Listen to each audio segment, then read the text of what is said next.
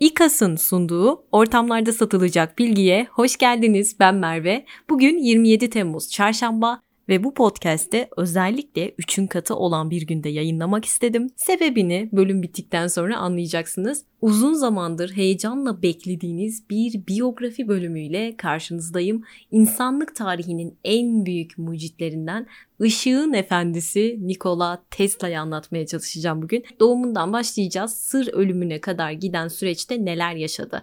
Ezeli rakibi Edison, icatları, psikolojisi, garip takıntıları hepsini konuşmaya çalışacağız.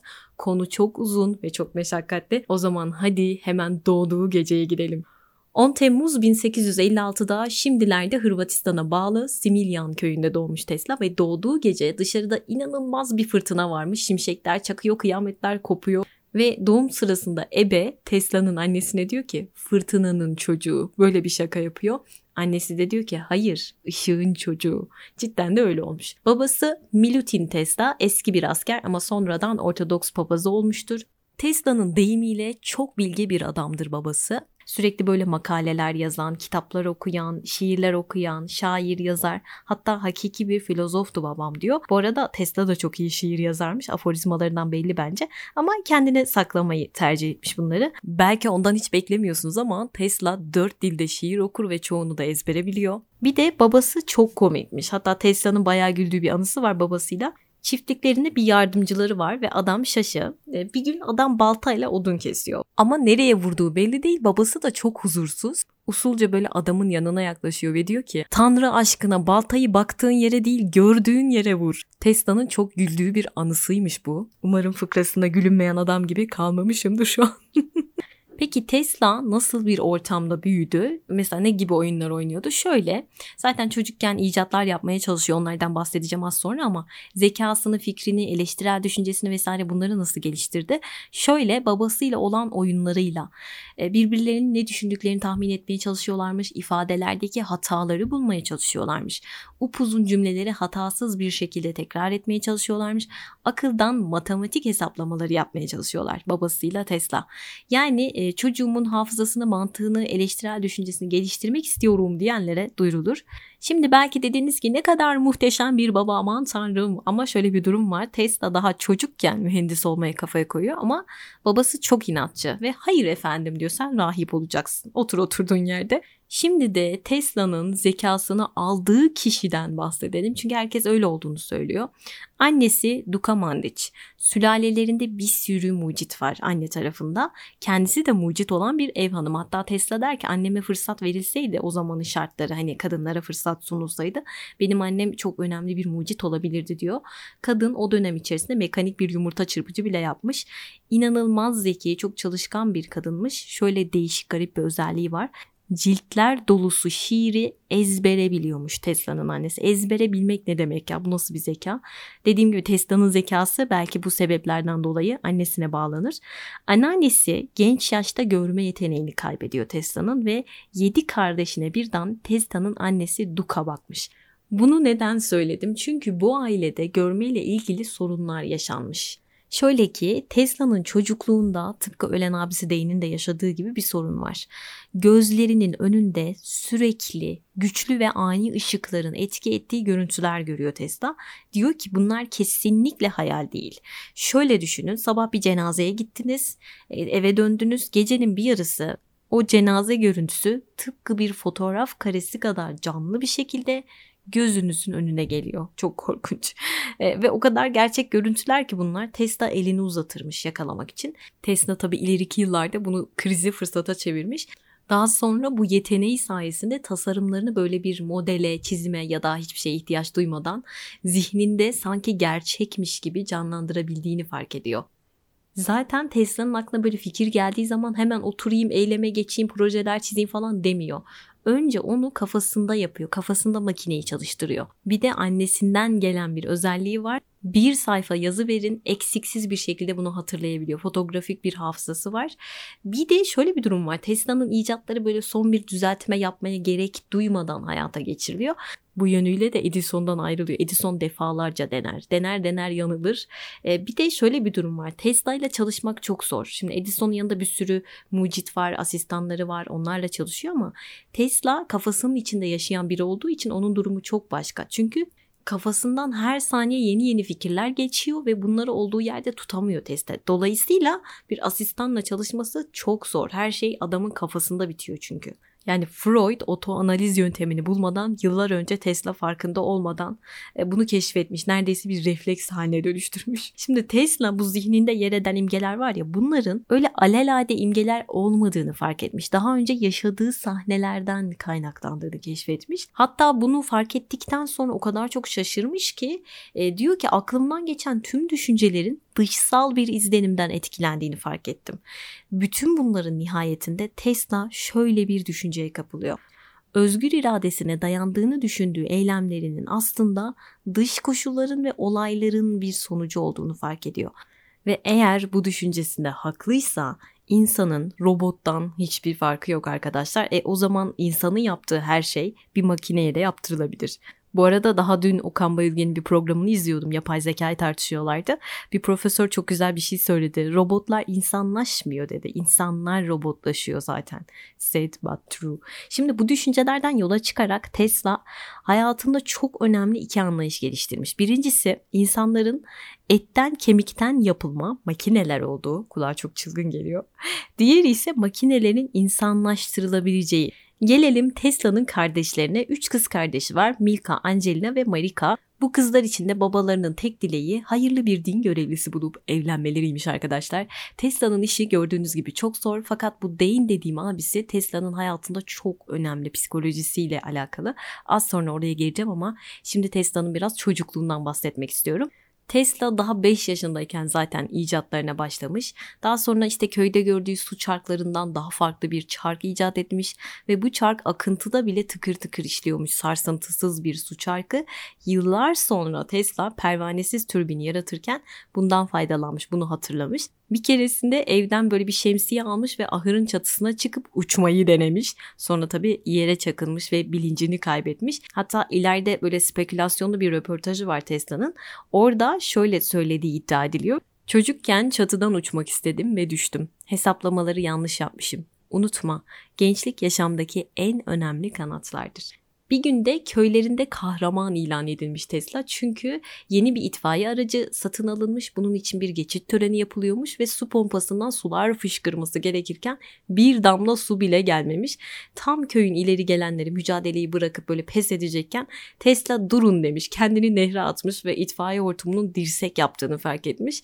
Bunu hemen halletmiş tabii ve köyde o gün kahraman ilan etmişler onu. Hatta bu olay için der ki Tesla Syrakus'un sokaklarında çırılçıplak koşuş oluşturan Arşimet dahi benim o an olduğum kadar etkileyici olmamıştır. Omuzlarda taşınıyordum demiş. Şimdi gelelim abisi Dane'e. Ailesi için en büyük travmalardan birisi en büyük çocuk abisi Dane Nikola'dan 7 yaş büyük ve ölüyor. Ölümü de şu şekilde olmuş. Tesla'nın babasına yıllar önce bir ahbapları çok iyi eğitilmiş, çok güzel bir Arap atı hediye ediyor. Ve bu at çok akıllı. Hatta bir defasında Tesla'nın babasını dağlarda ölümden kurtarmış. Hoş kendisi sırtından atmış önce. Dane de bu attan düşerek ölmüş ve Tesla abisi öldükten sonra tıpkı Van Gogh podcast'ını hatırlayın orada olduğu gibi ne yaparsa yapsın ailesinin nazarında daima sönük kalmış. Hep abisinin hatıraları onunla mukayese edilmiş başarılarını daima abisinin ölümü, hatıraları gölgelemiş. Hatta otobiyografisinde demiş ki bu nedenle kendime karşı güvensiz olan bir çocuk olarak büyüdüm. Ama aptal bir çocuk değildim asla demiş. Şimdi bu attan düşme hikayesi okey ama başka bir iddia daha var Dane'le ilgili. Dane evin kilerinde düşmüş ve yarı bilinçsiz bir halde yatarken bulunuyor ve beni Tesla etti merdivenlerden aşağı diyor. Bilemiyorum Altan. Ama bu konu gerçekten karışık. Tesla atı ürküttüğü için abisi attan düştü diyenler de var. Ben kendi beyanını okudum. Orada böyle çok aleni bir şekilde yazmamış ama şöyle söylüyordu. Abim bu atın sebep olduğu yaralardan ötürü öldü yazıyordu. Ama Tesla hayatının çok daha sonraki dönemlerinde bile abisinin ölümünden ötürü sürekli kabuslar, halüsinasyonlar görüyor. Abisi Tesla daha 5 yaşındayken ölüyor ve bu yaşta bir çocuğun kaldırabileceği bir duygu değil bence bu suçluluk duygusu çok ağır ve bu yüzden psikolojisinin bu kadar bozulduğunu söylüyor psikologlar çok tuhaf takıntıları vardır, fobileri vardır. Bunların sebebini buna bağlarlar. Fobileri de şöyle kadınların taktığı küpelerden özellikle incilerden nefret ediyor. İnci görünce dayanamıyor. Kulağı delik bir kadın gördüğü zaman dayanamıyor. Kafur kokusuna dayanamıyor. Başkalarının saçına asla dokunamıyor. Silah zoruyla belki dokunabilir o derece. Yürürken adımlarını sayıyor. Mesela su dolu bir lavaboya kağıt düşse Tesla'nın ağzında dayanılmaz bir tat oluşuyor birden. Yemeklerin kübik parçalarını hesaplıyor ve eğer hesaplayamazsa iştahı kesiliyor. 3, 6 ve 9 sayılarına özellikle bir takıntısı var 3'e bölünebilen sayılara. Buna ayrı bir podcast gerekir buraya girmeyeceğim. Waldorf Astoria Oteli'nin palmiye odasında her gün aynı saatte yerini alıyor akşam 8'de. Yemek yemek için oturduğu zaman masasının üzerinde üst üste dizilmiş 18 temiz keten peçete bulunuyor. Dikkat edin yine 3'e bölünen sayılar. Tesla'nın en önemli özelliklerinden birisi de şu mikroplardan çok tiksiniyor, çok korkuyor. Bu yüzden bu 18 keten peçeteyle masasındaki kristalleri, tabakları ne varsa artık hepsini tek tek siliyor ve yemekleri gelince de yemeğe hemen başlamıyor. Kaşığındaki yemeğin tüm kübik özelliklerini hesaplayarak öyle yiyor. Biraz da aşk hayatından bahsetmek isterdim fakat yok. Tesla hayatı boyunca hiç evlenmiyor, aseksüel olduğunu iddia edenler var. Bu arada kadınlar Tesla'yı beğeniyor, onunla olmak isteyen çok kadın var ama Tesla bunu tercih etmiyor. Hatta bunlardan biri JP Morgan'ın kızı Anna Morgan. Tesla hayatının sonlarına doğru böyle bir güvercinlere merak salıyor. İşte yaralı güvercinleri alıyor, otel odasına getiriyor, onları tedavi etmeye çalışıyor. Bunlardan birisine Tesla aşık oluyor ve o aşık olduğu güvercin ölüyor. Onun arkasından demiş ki hatta o güvercini bir erkeğin bir kadını sevdiği gibi sevdim. O da beni sevdi. Ona sahip olduğum sürece hayatımın bir anlamı vardı demiş. Gerçekten ilginç bir insan Tesla. İşte bu fobilerini, takıntılarını abisinin ölümüne bağlıyor çoğu psikolog. Çünkü abisi öldükten sonra ben artık ailemin tek umuduyum diye kendine çok yüklenmiş Tesla. Aslını inkar etmiş, doğal itkilerini bastırmış ve diğer çocuklara nazaran çok daha çalışkan, çok cömert, daha alçak gönüllü olayım derken bir nevi böyle kendini inkara gitmiş. Alice Miller'ın dediği gibi geçen hafta yaptığım podcast'ta hatırlayın. Beden asla yalan söylemiyor. Bir yerden çıkıyor. 8 yaşına kadar da çok çekingen, çok zayıf bir kişiliğim vardı der Tesla. Rüyalarında böyle karabasanlar görüyor, gulyabaniler görüyor, ölümden korkuyor, tanrıdan korkuyor ve sonraları babasının kütüphanesindeki kitapları okumaya başlıyor. Ama o kadar çok okuyor ki geceleri mum ışığında okuyor. Babası gözleri harap olacak diye evde Tesla'ya mum verilmesini yasaklıyor. Tesla bunun da yolunu buluyor. Evdeki tüm anahtar deliklerini böyle paçavralarla kapatıp ışığı kesiyor yine okuyor. Çok sevdiğim bir sözü var Tesla'nın. Diyor ki her şeyden çok kitapları sevdim. Şimdi eminim Tesla'nın hayatını, mizacını değiştiren o ilk kitabı merak ediyorsunuz. Macar bir yazara ait Abafi ya da Aba'nın oğlu adlı bir roman. Bu romanı okuduktan sonra demiş ki Tesla, uyumakta olan irademi uyandırmış ve beni öz denetim üzerine çalışmaya sevk etmişti. Öz denetim. Bu çok önemli çünkü Tesla demek öz denetim demektir. Acaba gerçekten öyle mi? Bunu az sonra anlatacağım. Eminim siz de öğrenince çok şaşıracaksınız ama önce Tesla'nın hayatının dönüm noktasına gidiyoruz şimdi. Tesla babasına kalsaydı papaz olacaktı ama nasıl babasını mühendis olmaya ikna etti bu kısmı anlatacağım. Ergenlik yıllarına gidiyoruz. 4 yıllık okulu Tesla 3 senede bitirmiş arkadaşlar. Adam kafadan integral hesabı yapıyormuş tabii biter ve burada okurken fiziğe resmen aşık olduğunu fark ediyor. Okulu bitiriyor, köye dönüyor ve kısa bir süre sonra koleraya yakalanıyor. Bir seneye yakın bu hastalıkla mücadele ediyor ve daha 14 yaşında.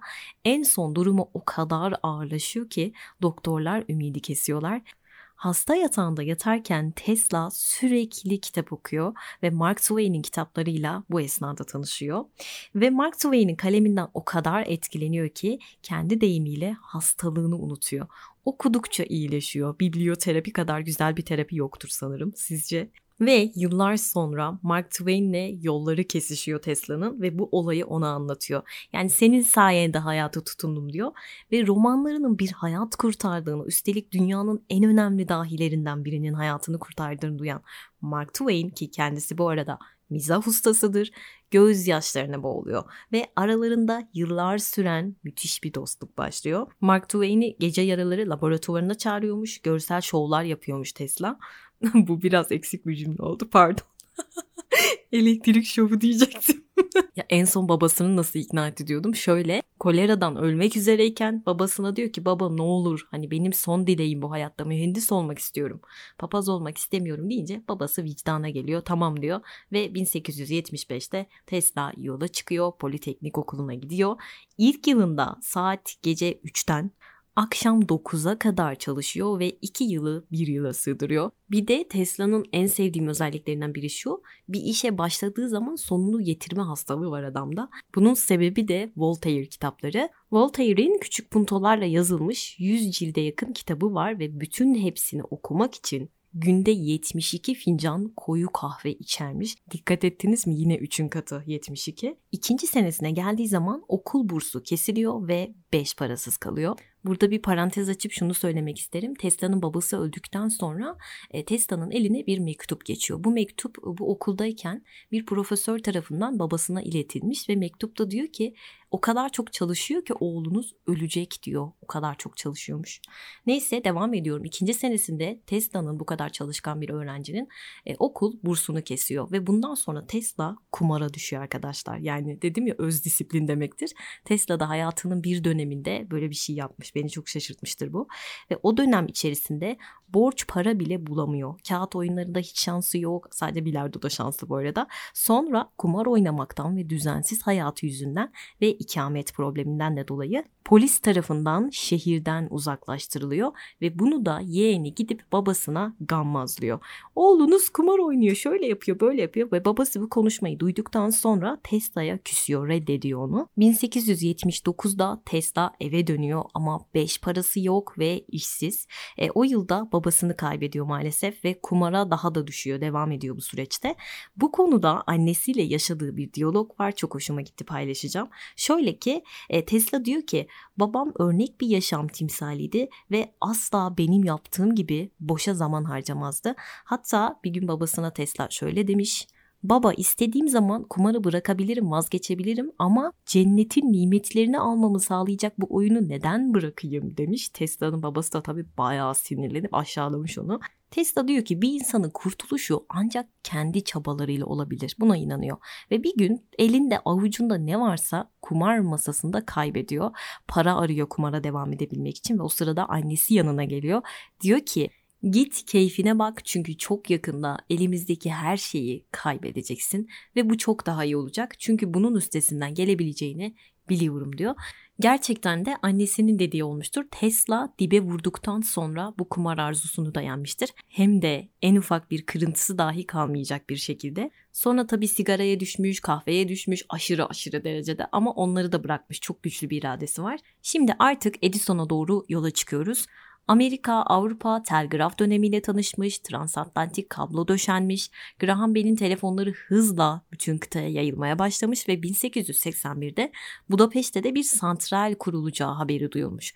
Budapeşte Edison için önemli çünkü Edison'un bir şubesi olma şerefine ulaşacak 4 Avrupa şehrinden biridir Budapeşte. Tesla da amcasının torpiliyle Budapeşte'ye gidiyor ve Macaristan hükümeti Merkez Telgraf Ofisi'nde bir iş buluyor. Çok düşük ücretli bir iş ve bu işe başladıktan sonra Tesla bir hastalığa yakalanıyor. Garip bir hastalık. Doktorlar adını koyamıyorlar. Sinir hastalığı deyip geçiştiriyorlar. Şöyle ki Tesla'nın hisleri çok kuvvetli. Birçok kere komşularını evlerinde tam yangın çıkacağı sırada kurtarmış Tesla haber vermiş. 40 yaşlarında Colorado'da bir şimşek deneyi üzerine çalışıyor ve neredeyse 1000 kilometre ötedeki gök gürlemelerini duyduğunu iddia ediyor. Tesla'nın kulakları o kadar hassas ki birkaç oda uzaklıktaki saatin tik taklarını bile duyar. Ve odada dolaşan sineğin vızıltısı bile onun böyle kulaklarını patlatma derecesine getirir. Birkaç kilometre öteden geçen at arabası neredeyse onun evinin içinden geçer tüm vücudunu titretir. 50 kilometre ötedeki trenin düdüğü onun oturduğu sandalyeyi titretirmiş. O derece bir hissiyat ve dinlenebilmek için artık bu sesleri duymamak için yatağının altına kauçuk minderler koyuyor Tesla ve kendisi de demiş ki Karanlıkta bir yarasa kadar duyarlı olabiliyorum. Bir nesnenin varlığını alnımda hissettiğim bir ürperti sayesinde fark edebiliyorum. Bu kadarı da fazla. İşte bu yüzden böyle Tesla bir köprünün ya da işte bunun gibi bir yapının altından geçebilmek için tüm irademi zorlamam gerekiyor diyor. Çünkü kafa tasımın üzerinde öyle bir basınç hissediyormuş ki bu dönemlerde nabzı 260'lara çıkıyormuş. Neyse Tesla kafayı alternatif akıma takmış biliyoruz ki ve bu konu için demiştir ki bu benim için bir ölüm kalım meselesi. Muvaffak olamadığım takdirde yok olup gideceğimi biliyorum demiş. Şimdi o bulduğu anı da anlatmak istiyorum. bu podcast bitmeyecek bence. Tesla'nın bir arkadaşı var. Onunla böyle yürüyüş yapmayı çok seviyor ve bu yürüyüşleri esnasında bir gün Göte'nin Faust eserinden pasajlar okuyorlar. İşte tam o sırada fikir bir şimşek gibi çakmış Tesla'nın kafasında ve o anda o kadar heyecanlanmış ki resmen böyle nöbet geçiriyormuş ve arkadaşı onu zar zor bir banka oturtuyor. Tam bir evreka anı. Tesla oturur oturmaz eline böyle bir dal alıyor ve önündeki toprağa bir diyagram çizmeye başlıyor hızlı hızlı. İşte o tozların üzerine çizdiği diyagram 6 yıl sonra yepyeni bir sistemin atar damarı arkadaşlar ve Tesla'nın tam anlamıyla kendini böyle mucit gibi hissetmeye başladığı anda budur.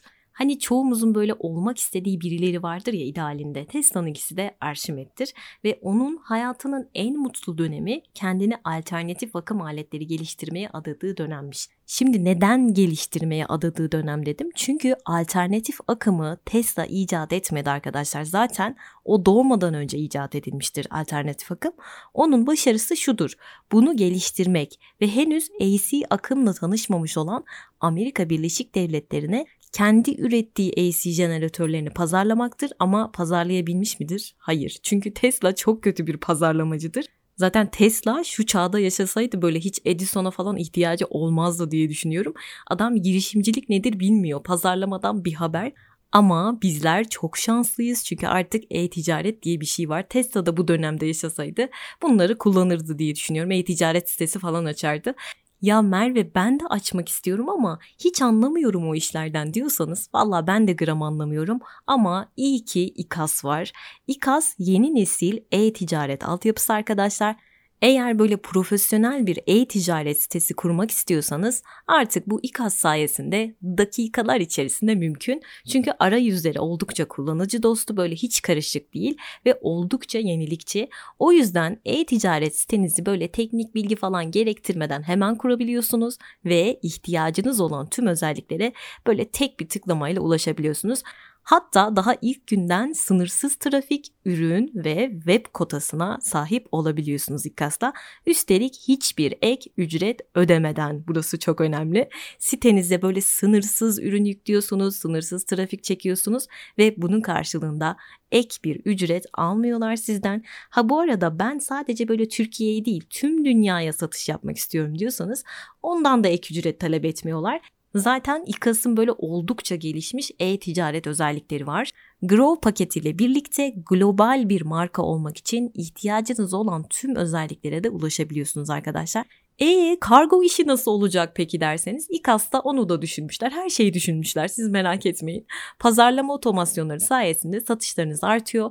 Pazar yeri ve kargo entegrasyonları ile işleriniz çok çok kolaylaşıyor. Eğer işimi büyütmek istiyorum hatta global bir marka olmak istiyorum, internetten satış, e-ticaret yapmak istiyorum diyorsanız aradığınız her şey İKAS'ta var. Üstelik 7-24 destek veren müşteri destek ekipleriyle aklınızda hiç soru işareti kalmıyor.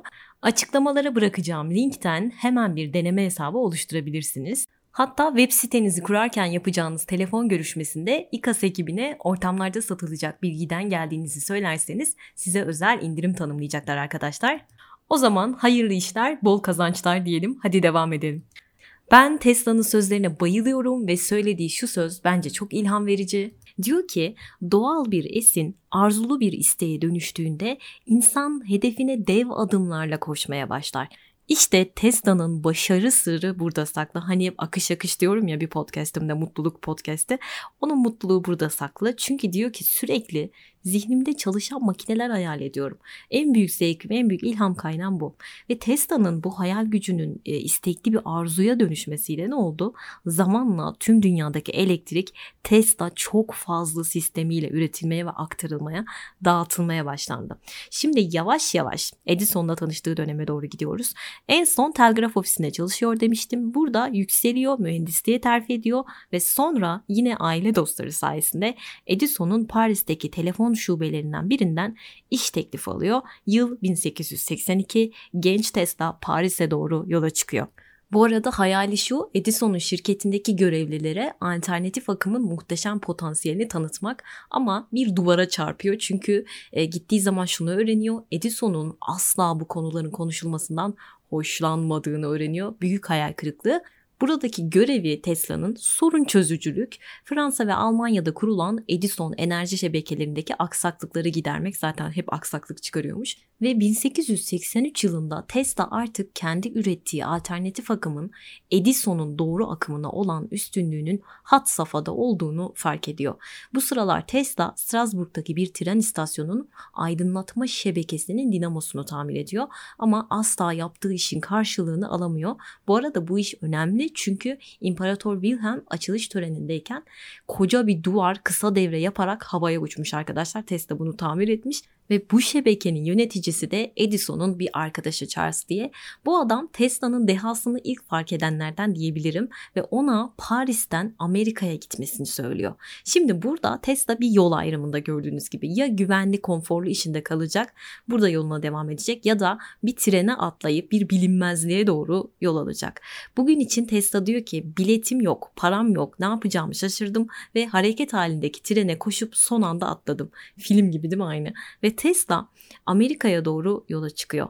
Cebinde sadece 4 sent bir poşete kıyafetlerini doldurup yola çıkıyor. Hayalleriyle, şiirleriyle beraber ve henüz 28 yaşında dünyanın en büyük mucitlerinden biri yıl 1884 ve o dönem Amerika'ya 16 milyon Avrupalı ve Asyalı göç etmiş. E sanayi devrimi malum işçi lazım. Tesla şanslı çünkü elinde Edison'a hitaben Edison'un arkadaşı tarafından yazılmış bir tavsiye mektubu var ve bu mektupta şöyle yazıyor.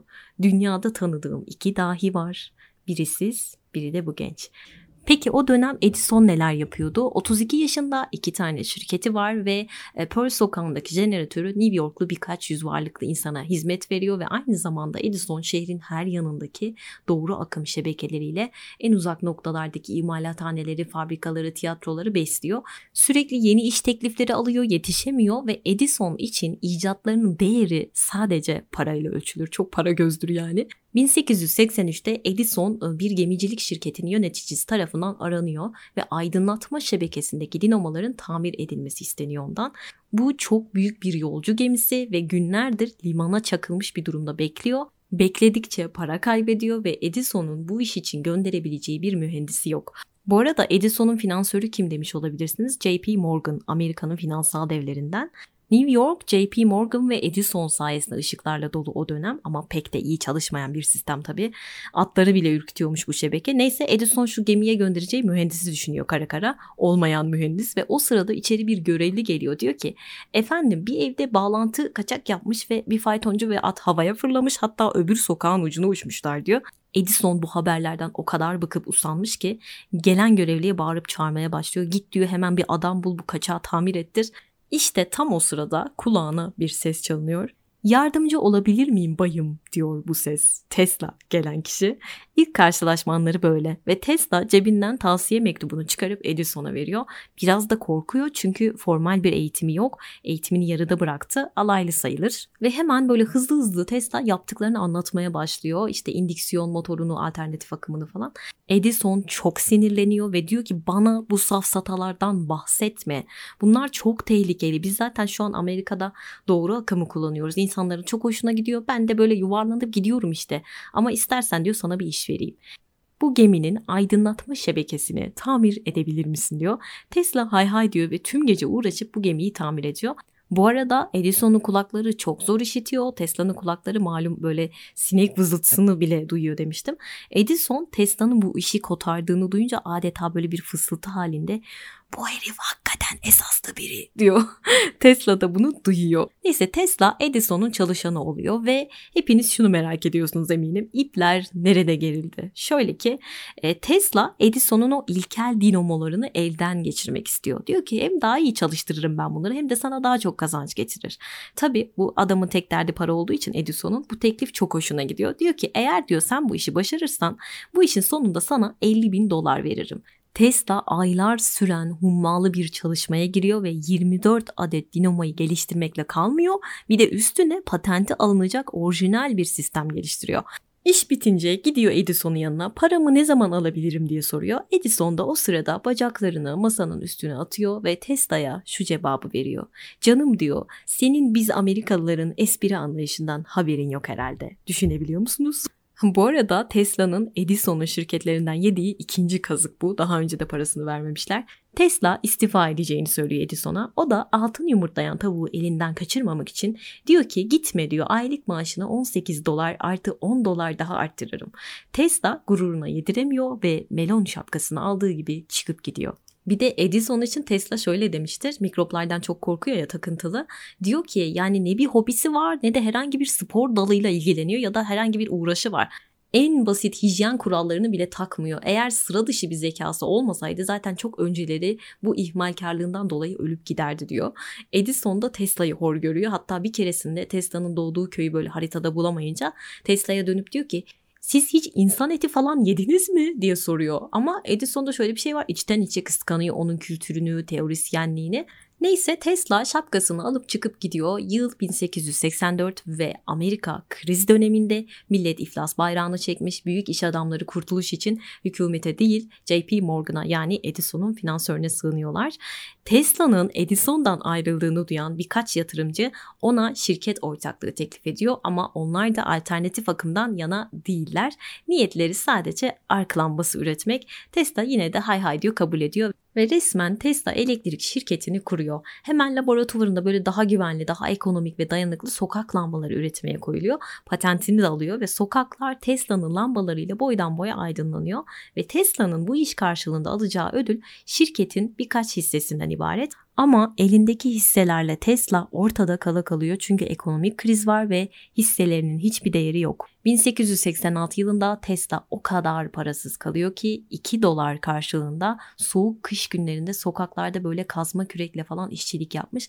Ama talih yine bir yerden Tesla'ya gülüyor ve yıl sonuna doğru Tesla iki girişimciyle tanışıyor ve Tesla elektrikle çalışan yeni bir tür motor yapma fikrini hayata geçirmek için bir fırsat yakalıyor.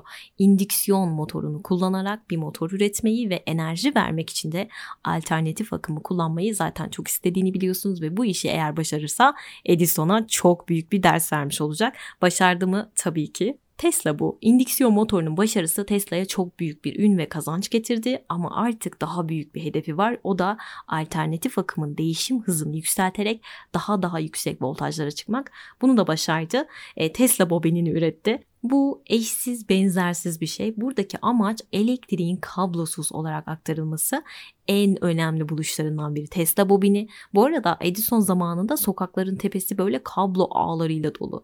Görüntü kirliliğiyle dolu her yer. Tesla bobini bu noktada da çok önemli. Bu arada ezeli rakibi Edison ona uzaktan uzağa diş biliyor ve Tesla'yı karalama propagandaları yapıyor alternatif akımı kötü gösterebilmek için önce sokak hayvanlarını sonra sirkteki bir fili alternatif akımla öldürüyor ve bunu herkese yayıyor. Bu da yetmiyor. Bir idamın alternatif akımla gerçekleşmesini sağlıyor. Çok işkenceli uzun bir ölüm. Sonra da diyor ki siz bu kadar diyor ölümcül bir aleti nasıl evinize sokacaksınız? Neyse bu akımlar savaşı devam ederken Chicago Dünya Fuarı'nın enerji ve aydınlatma işini Tesla alıyor. Yine Edison çıldırıyor tabii. Bütün gözler Tesla'nın üzerinde özellikle kenafir Edison'un ve sonuç tabii ki muhteşem oluyor. Fuar ışıl ışıl aydınlanıyor ama onun öncesinde şöyle bir olay yaşanıyor. Edison Tesla'nın patentli ampullerini kullanmasına izin vermiyor. Yani Tesla'nın yeni bir ampul bulması gerekiyor ve sadece 6 ayı var. 6 ay içerisinde 50 bin ampul üretemezse rezil olacak Tesla. Ama bunu da başarıyor. Hatta Tesla üretimi çok daha kolay bir ampul tasarlıyor. Edison'a yine fake atıyor ve 1 Mayıs 1893'te başkan bir düğmeye basıyor. Tesla'nın 200 binden fazla akkor lambası fuar alanını ışıl ışıl aydınlatıyor. Hocam Edison ağlıyor çıkabilir miyiz? Neyse Tesla kazandığı bu zaferle çok büyük güven tazeliyor ve alternatif akımın gücünü kanıtlamak için Niagara şelalesine bu sefer kafayı takıyor. Çoğumuz Niagara Şelalesi'ndeki o Tesla'nın başarısını biliyoruz ama dünyanın ilk AC hidrosantralini inşa etti diyebiliyoruz. Hayır, zaten bunun üzerine çalışmalar vardı ve bu şelale ilk değil. Tesla belki buradaki sorunları büyük bir e, oranda çözmüş ve geliştirmiş olabilir. Bunu söylememiz daha doğru olur diye düşünüyorum. E, adamın heykelini de oraya boşuna dikmediler Niagara Şelalesi'nin oraya.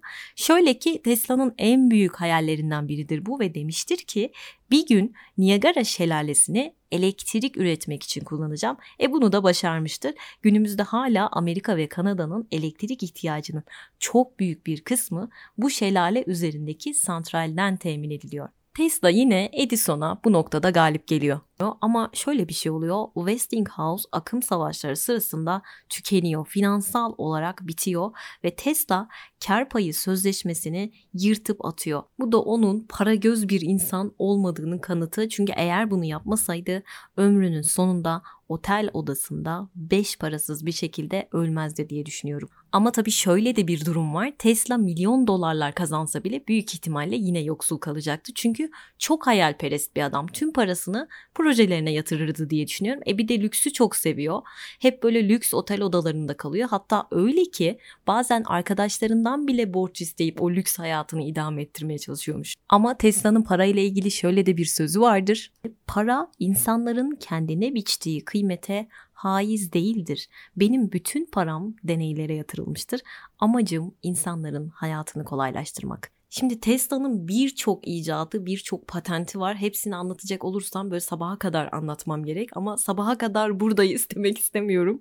o yüzden en önemli icatlarından bahsedeceğim size. Şimdi gençlik yıllarından itibaren böyle yağmur ve yıldırım ilişkisi üzerine çok kafa yoran bir insan Tesla ve işte fırtınaları, yıldırımları bunları kontrol altına alabilirse, bütün bu döngüyü böyle gerekli bir şekilde bir yere kanalize edebilirse sonsuz bir enerji elde edebileceğini düşünüyor ve bunun için kolları sıvıyor. Fakat bu sefer yapacağı çalışmalar oldukça tehlikeli. O yüzden gözden uzak bir yerde yürütmesi gerekiyor.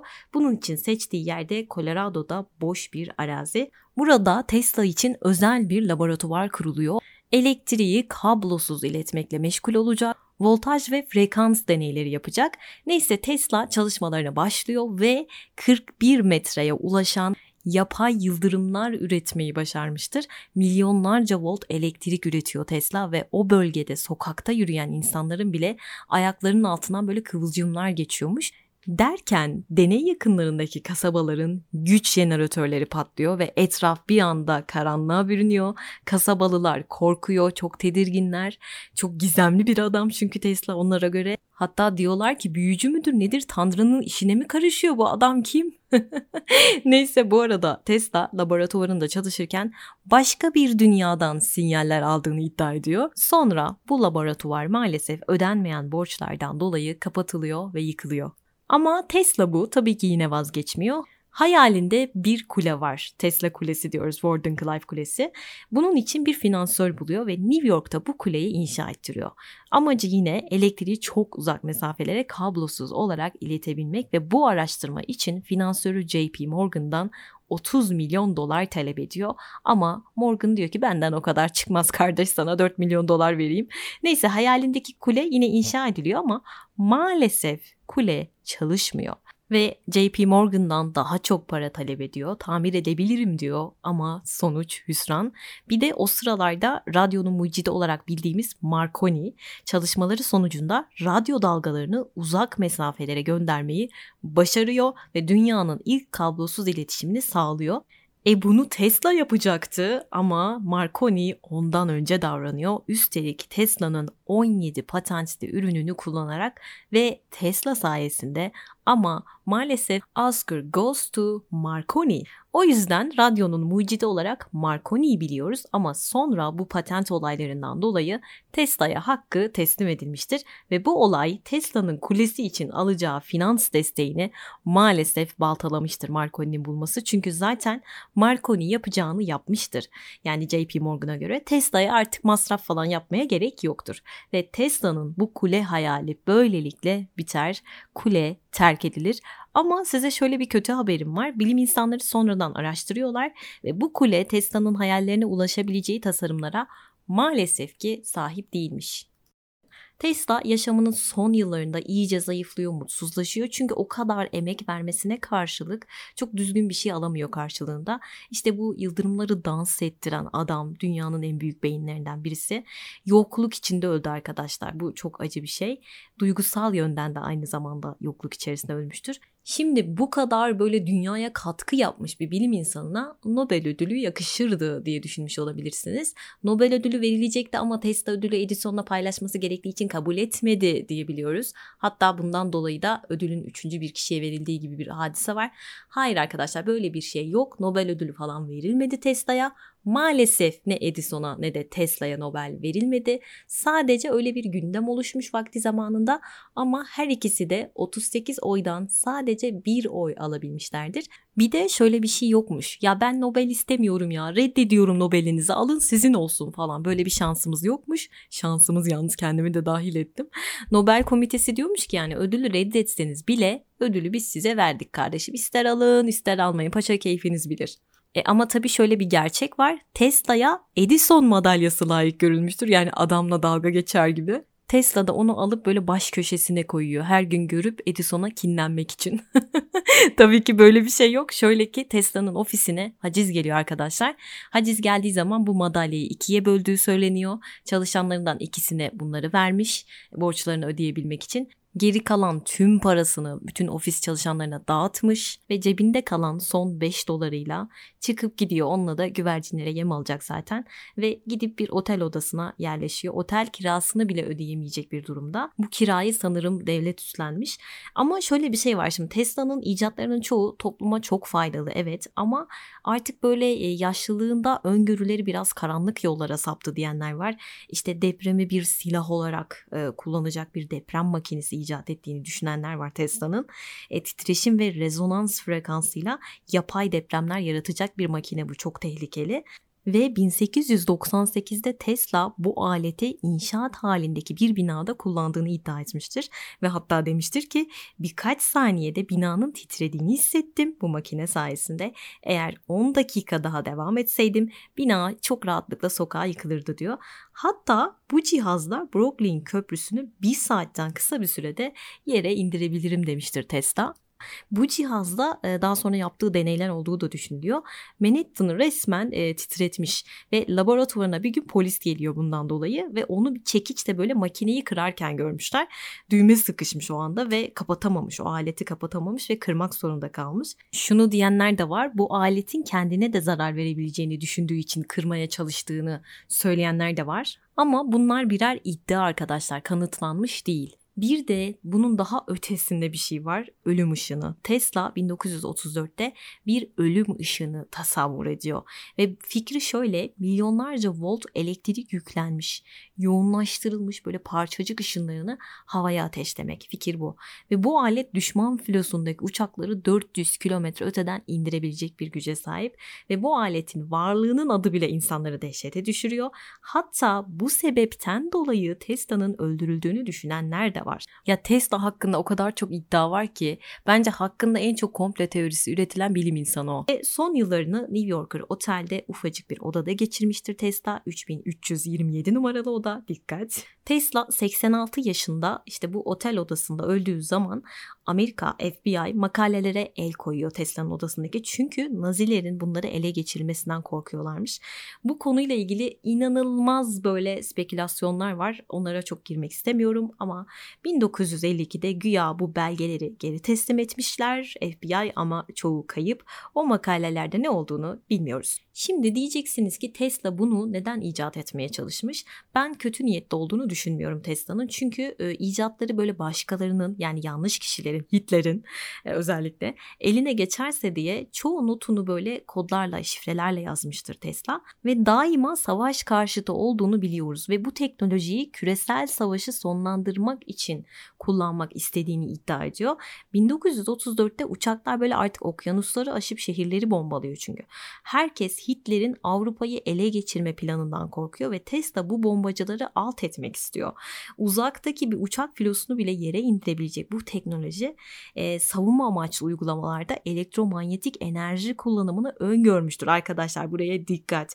Bugün lazerle yapılanların temelini öngörmüş. Daha birçok şeyin temelini gördüğü gibi. Mesela fosil yakıtların geleceğini de görmüştür. Hatta demiştir ki gelecek nesillerin çıkarı için fosil yakıt kullanmamız çok kötü, çok barbarca. Eğer güç elde etmek için bu yakıtları kullanıyorsak sermayemizden yeriz. Yenilenemeyen yakıtların tüketilmesine karşıdır Tesla. Tıpkı şu an bizim düşündüğümüz gibi yenilenebilir enerji taraftarı ta o zamanlarda. Bu arada Elon Musk korkunç bir Tesla hayranıdır, fanatiğidir. Elon Musk podcast'imi de dinleyebilirsiniz. Tesla 20. yüzyılın gördüğünüz gibi en büyük beyinlerinden birisi. Tabii ki başarılı olduğu kadar başarısız da olmuştur. Neticede o da insan. Ama Edison'la onun arasında bir karşılaştırma yapacak olursak tabii ki de Edison da çok önemli bir insan ama Edison hem bir mühendis olarak problem çözmekte ustadır hem de ticari bir zekası vardır. İhtiyaçların ne olduğunu anında fark eder, hayata geçirmeye çalışır. Tesla'da ticari kaygı yok arkadaşlar. Sadece merak ve nasıl sorusuna cevap arayışı var ve berbat bir pazarlamacı. Ürünlerini koruyamıyor, patentlerini sürekli kaptırıyor birilerine. Yani Edison kapitalizmse Tesla sosyal kapitalizmdir arkadaşlar. Tesla bilim insanıdır, Edison tüccardır. Tesla yalnız takılır, tek tabancadır. Edison bir dolu mühendisle asistanla takılır. Tesla geleceğin daisidir, Edison çağın adamıdır. Tesla alternatif akımsa Edison ampuldür arkadaşlar.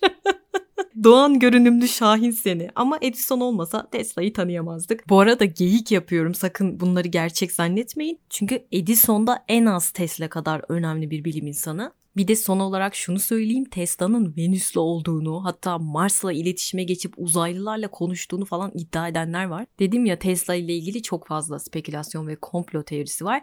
Hatta patent sayılarını araştırırken bile 3 ayrı kitapta farklı farklı şeyler okudum. 700 diyen var, 200 diyen var. Ama şunu biliyoruz ki Tesla bobini, modern alternatif akım, radyo, indiksiyon motoru, mikrodalga fırın, neon lambalar, floresan ve akkor lambalar, yapay yıldırımlar, radar, günümüz printerlerine benzeyen ilk kopyalama makinesi ve radyo televizyon yayıncılığına yaptığı fikirsel katkılarıyla Tesla dünya tarihinin en önemli insanlarından birisi. 1931'de 75. yaş gününde Time dergisine kapak olmuştu Tesla. Ben de 166. yaş gününde onu tekrar anmak için bu podcast'ı hazırladım.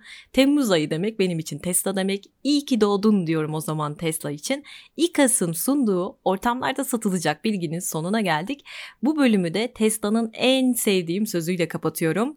O kadar cahilsiniz ki dininiz var diye ahlaka ihtiyacınız kalmadığını sanıyorsunuz öyle ölmezler. Füze at, yok yok şimşek at, yıldırım falan çaktır. Açıklamalara bırakacağım linkten bir an önce e-ticaret yapabilmek için İKAS'ın detaylarına ulaşabilirsiniz arkadaşlar. Beni Instagram'da takip etmek isteyenler için adresimi de aşağı bırakıyor olacağım. Haftaya tekrar görüşmek üzere. Hoşçakalın. Bay bay.